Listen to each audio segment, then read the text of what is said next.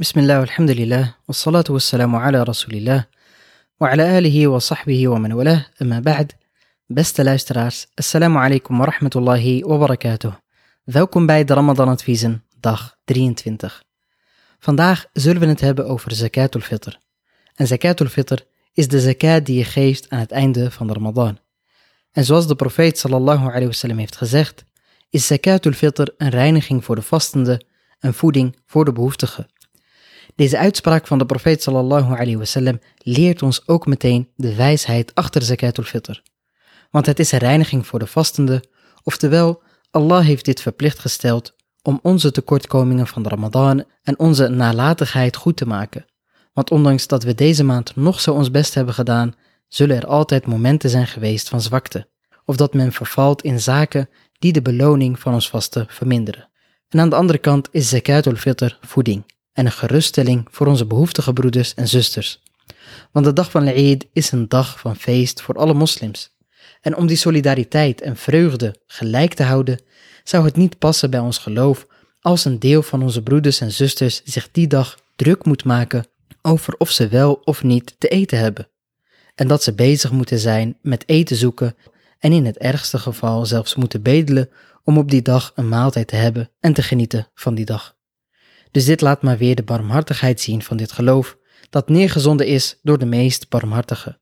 Het is genade voor degene die het geeft en ontvangt. Want voor degene die het geeft, is het een manier om de tekortkomingen in de Ramadan goed te maken. En voor de behoeftige is het de zekerheid om te kunnen genieten en te feesten op die dag, net zoals iedereen. Zakatul fitr is verplicht voor iedereen die het aan kan. Dus hier wordt niet gekeken naar leeftijd en geslacht, maar voor iedereen is het verplicht.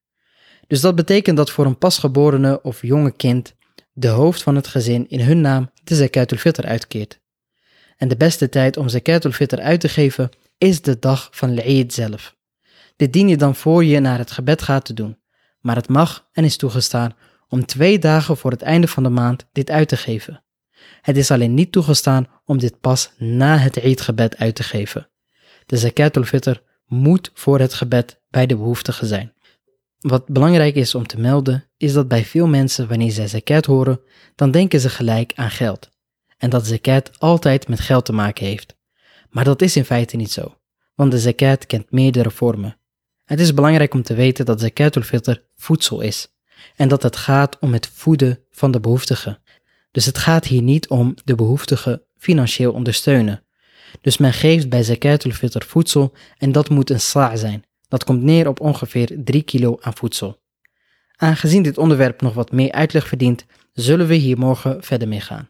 Mocht Allah tabarak wa ta'ala onze smeekbeden verhoren en ons vast accepteren. Wa sallallahu wa sallam wa barak ala nabina Muhammad wa ala alihi wa sahbihi ajma'in. Bedankt voor het luisteren. Wassalamu alaikum wa rahmatullahi wa barakatuh.